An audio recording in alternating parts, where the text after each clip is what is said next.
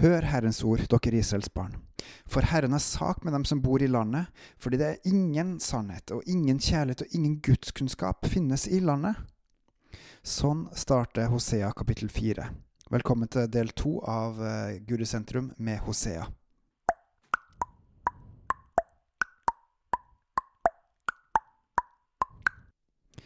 I vers 6 i kapittel 4 står det Mitt folk går til grunne fordi det ikke har kunnskap. Er det også en viktig beskjed til oss i dag? Vi, hans folk, tar ikke til oss Bibelen, og det må vi gjøre noe med, for det er Guds ord for oss, for at vi skal vokse med Han. I del én av Hosea så var det jo et fokus på at Gud ba profeten Hosea om å gifte seg med horkvinne og få tre barn med hun, som et tegn på at Guds barn er troløse, mot Gud. Og sånn er det også i dag. Vi, hans folk, vi er troløse mot Gud. Vi har vendt han ryggen. Vi står midt imellom å velge denne verden eller å velge Han. Og vi er halvhjerta. Vi er lunken. Vi kjenner ikke Gud, og vi kjenner ikke Hans ord. Men det finnes håp. Hør hva som står i kapittel fire. Hør Herrens ord, dere Israels barn, for Herren har sak med dem som bor i landet, for det er ingen sannhet og ingen kjærlighet og ingen gudskunnskap finnes i landet. De sverger og lyver, myrder og stjeler og driver hor, de farer fram med vold, og mord følger på mord. Derfor skal landet visne, og alle som bor der skal vansmekte, både markens dyr og himmelens fugler, også havets fisker skal utryddes. Likevel må ingen gå i rette med noen eller refse han, for ditt folk er lik dem som tretter med en prest. Du skal omkomme om dagen, og profeten skal omkomme med deg om natta, og jeg vil tilintetgjøre din mor. Mitt folk går til grunne fordi det ikke har kunnskap. Fordi du har forkasta kunnskapen, forkaster jeg deg, så du ikke skal tjene meg som prest. Du glemte din Guds lov, derfor vil også jeg glemme dine barn. Ståa i Norge alvorlig i dag. Vi er en rest som har vendt oss til Gud, som roper og ber han om å si nåde til oss, vi som synder grovt mot Han. Vi har vendt oss bort fra han.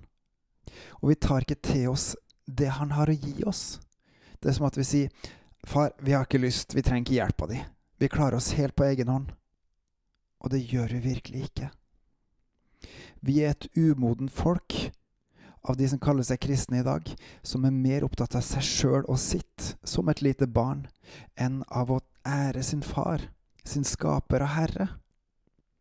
Jo flere de ble, dess mer synda de mot meg. Deres ære vil jeg skifte om til skam, de lever mitt folks synd og lengter etter deres misgjerning. Derfor skal det gå med presten som med folket, jeg vil straffe han for hans ferd og gi han gjengjeld for hans gjerninger.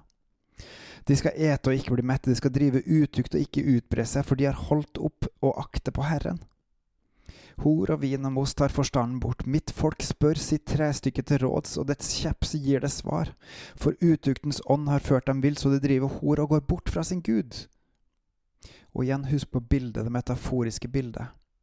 At hans folk har vendt seg bort fra Gud og tilber noe som ikke er Gud. På fjelltoppene ofrer de, og på haugene brenner de røkelse under eika, popler og terabinta fordi skyggen der er god. Derfor driver deres døtre utukt, og deres sønnekoner gjør seg skyldig i hor. Jeg vil ikke hjemsøke deres døtre for deres utukt eller deres sønnekoner for deres hor, for mennene går sjøl avsides med horkvinnene og ofrer med sjøgard. Slik går et uforstandig folk til grunne. Sjøl om du, Israel, driver hor, så må ikke Juda gjøre seg skyldig i slikt. Gå ikke til Gilgal og dra ikke opp til Bet-Aven, og sverg ikke så sant Herren lever. For Israel er som en ustyrlig ku, vil Herren da la dem beite som lam på videmarka? Efraim er bundet til avgudsbilder, la han fare. Det er kommet ei tid for å velge. Vil du følge Gud, eller vil vi følge verden? Den store kirka i Norge i dag følger verden, mens mindretallet, de følger Gud. Hvem vil vi følge? Deres rus er forbi, utukt er deres skjold drevet, høyt har de elska det som skammelig er. Et stormvær griper dem med sine vinger, og de skal bli til skamme med sine offer. Vi må rett og slett velge Gud, hvis ikke vil vi også bli bortført, hvis ikke vil vi også visne og gå til grunne, gå fortapt. Det blir som det står i 8.8. Israel er oppslukt, nå er det blant folkene lik et kar som ingen bryr seg om. Det vil skje med den del av kirka som velger å følge verden. Det blir oppslukt. Det blir som, at, blir som et kar som ingen bryr seg om. Men vi, de som følger Herren, vi vil oppleve stor velsignelse og forfølgelse. Kapittel 14 kommer med håpet. Det kommer med muligheten.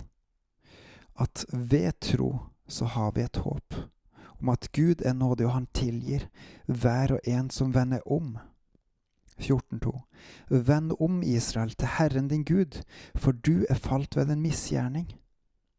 Kom med ord og vend om til Herren, si til Han, forlat all misgjerning, og ta imot det gode vi kan yte, så skal vi gi deg våre leppers offergaver. Det er ikke mye Herren krever. Nådig er Han.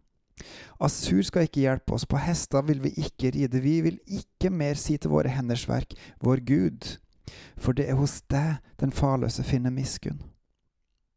Takk, Herre. Jeg vil lege deres frafall, jeg vil elske dem av hjertet, for min vrede har vendt seg fra dem.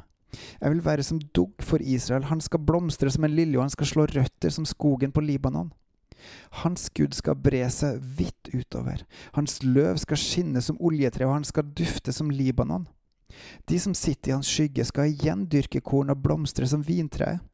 Minnet om han skal være som Libanons vin. Efraim, hva har jeg mer med avguda å gjøre? Jeg vil bønnhøre han og se til han. Jeg er som en grønn sypress, din frukt kommer fra meg.